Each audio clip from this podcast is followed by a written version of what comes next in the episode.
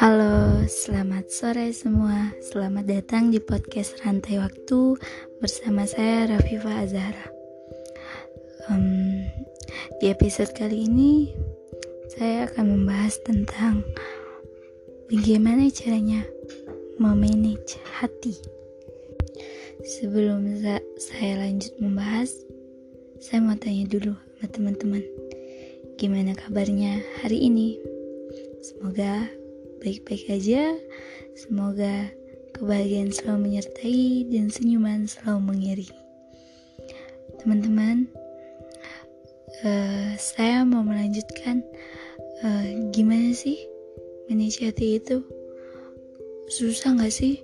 Nahan marah, nahan emosi, nahan kesel. Gimana caranya? Sebenarnya gampang kalau kitanya mau. Kalau teman-teman sekalian mau, itu gampang. Tergantung dari niat dulu, niat hati teman-teman. Gini, gini deh, kita mulai dari manage. Manage itu um, saya ambil dari kata manajemen atau mengatur, mengatur hati kita. Kan kita yang berkuasa atas diri kita kita yang memiliki hak atas diri kita. Kenapa ketika orang melakukan kesalahan, malah kita yang terlukai? Kayak jatuh cinta, orang-orang yang jatuh cinta, orang-orang yang merasa terhianati sama temennya, itu kan orang lain yang melakukan kesalahan. Kenapa kita yang harus tersakiti? Seharusnya kita bisa mengatur, mengatur hal-hal itu dalam diri kita. Gimana caranya? Teman-teman sekalian, yang perlu kita tanamkan dalam diri kita, yang pertama itu ikhlas. Kalau kita udah ikhlas, siapa pun yang ngelukain, siapa pun yang nyenggol, siapa pun yang marahin, siapa pun yang nindas, kita nggak bakal peduli. Kita cuma peduli dengan target-target kita dan bagaimana cara kita menyebar kebaikan. Itu. Kalau prinsip saya, saya nggak peduli mau orang gimana ina saya, mau orang gimana mikirin saya. Saya harus peduli dengan prioritas saya. Jadi kalau teman-teman mau hati,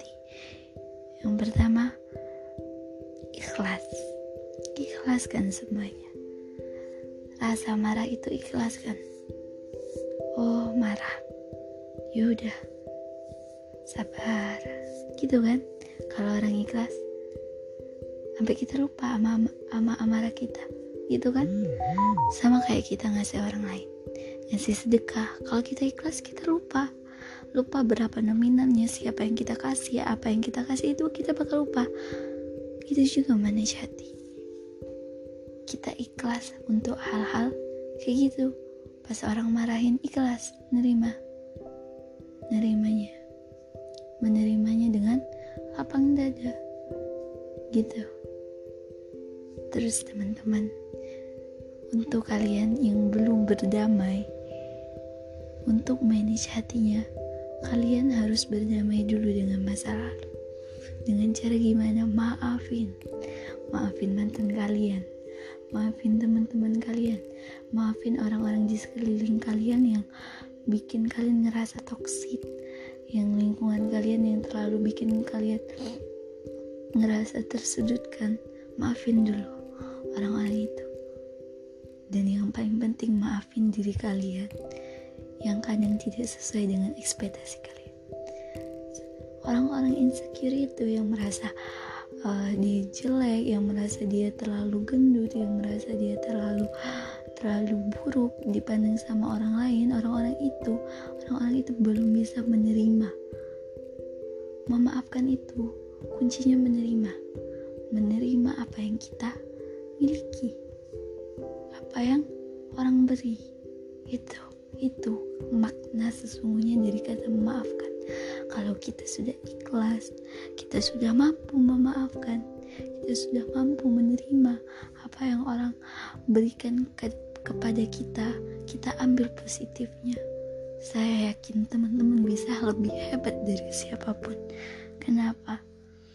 Karena teman-teman tahu yang mana prioritas yang mana cuma sekedar angin lalu. Teman-teman yang lagi mendengerin yang lagi galau yang lagi patah hati yang lagi ngerasa jatuh. Please kalian itu ibarat pohon. Tancapkan dulu akar kalian. Sedalam-dalamnya. Maksud maksud saya tanamkan dalam diri kalian di dalam hati kalian. Sedalam-dalamnya tancapin dulu. Ikhlas. Memaafkan dan menerima. Baru kita bisa berdamai dengan semua itu. Setelah kita bisa melakukan hal itu kita bisa memanage bagaimana oktav suara kita ketika marah bagaimana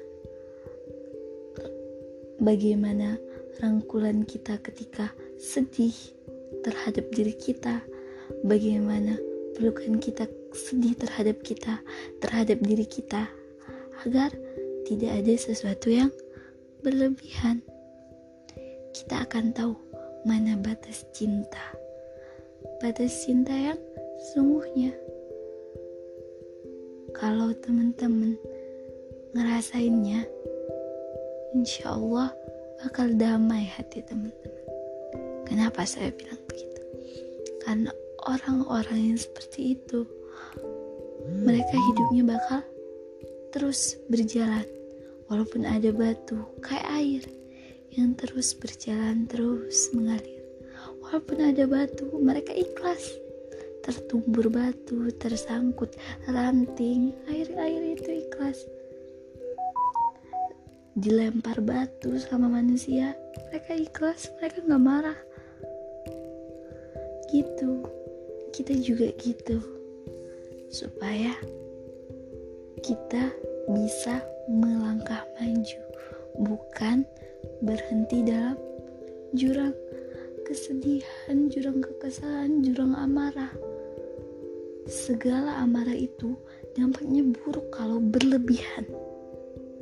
Tentu kita bisa, tentu marah itu butuh untuk lika-liku untuk pelangi di hidup kita. Tapi gimana kita memanagenya, memanajemen, mengatur amarah kita. Bagaimana kita bersikap itu harus kita pikirkan baik-baik. Itu menjadi hal itu menjadikan kita sebagai orang yang berkelas. Orang-orang yang berkelas yang orang-orang yang kalau dipandang ada wibawanya ada yang auranya itu ada. Ketika kita bersosialisasi melakukan hubungan relasi jadi teman-teman sekalian untuk semua orang yang sedang mendengarkan podcast ini, untuk yang sedang patah hati, dengerin. Ayo tutup mata kalian. Katakan dalam hati kalian, dalam diri kalian, aku ikhlas kok dengan keadaan aku yang seperti itu. Aku memaafkan diri aku yang kadang gagal, memaafkan diri aku yang kadang suka lalai, memaafkan teman-teman aku yang suka bicaranya sembarangan, memaafkan orang-orang yang menghinaku, memaafkan orang-orang yang meninggalkan aku. Aku ikhlas untuk semua itu semua. Please, pejamkan mata kalian sambil ngomong yang tadi, sambil ngomongin hal itu. Terus sudah agak tenang, lalu kalian senyum. Ketika pejam mata itu kalian senyum dan bilang, besok untuk diri aku, untuk diri kita, ayo lebih baik. Ayo kita jadi produktif. Ayo kita jadi orang-orang yang hebat kayak mau di Ayunda, kayak Ibu Ayun, kayak Rolemos. apa itu? Saya juga nggak tahu. Kayak orang-orang hebat kayak Pak Habibie. Dan banyak lagi pahlawan-pahlawan Indonesia. Mereka dari mereka hebat gara-gara apa? Mencintai diri mereka diri, diri mereka sendiri. Itu dulu. Memaafkan please untuk kalian semua maafin diri kalian. Maafin orang-orang sekitar kalian. Ikhlas saya yakin dampaknya akan sangat berpengaruh kepada diri kalian semua terima kasih telah datang di podcast ini Jangan lupa untuk selalu tersenyum, selalu menebar kebaikan, dan jangan lupa setiap hari untuk memaafkan orang lain. Semoga bahagia teman-teman dan semoga sukses. Sampai jumpa di episode selanjutnya. Dadah.